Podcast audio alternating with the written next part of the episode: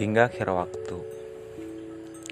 Ini tentang orang-orang yang berjuang sampai titik terakhir, sampai waktunya habis, semuanya benar habis, dan hasilnya belum tentu tercapai. Ini juga tentang orang yang meninggal, orang yang ditinggalkan, dan perasaan apa aja yang tersimpan dan terkenang. Bahwa kita hidup ini tuh ada batas waktunya, ada jatah waktunya, sekian tahun, sekian bulan. Maka yang bisa kita lakukan tuh cuma memaksimalkan apa yang ada waktu yang kita punya dengan hal-hal yang mungkin hobi, mungkin kesempatan, kerja atau yang lain yang harus kita manfaatkan. Kita bisa berencana beberapa tahun ke depan ingin mencapai apa.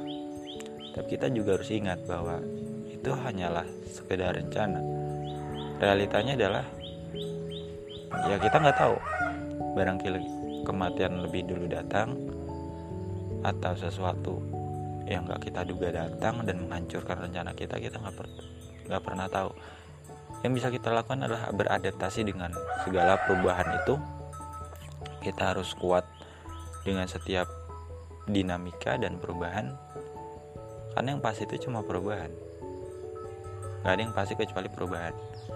Jadi aku pikir kita cuma bisa berjuang sampai titik terakhir.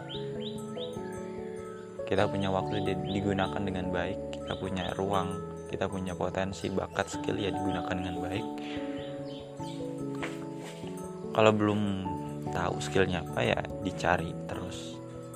Diasah kalau udah punya.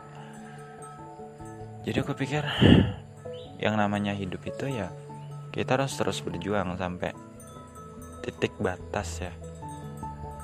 Batasnya kita sampai mana sih? Ya udah berhenti di situ. Kita kuatnya sampai mana sih? Ya udah berhenti di situ. Jangan memaksakan diri. Mungkin memaksakan diri ada batasnya ya. Kita cuma bisa sampai berapa kali memaksakan diri. Lebih dari itu ya kita akan hancur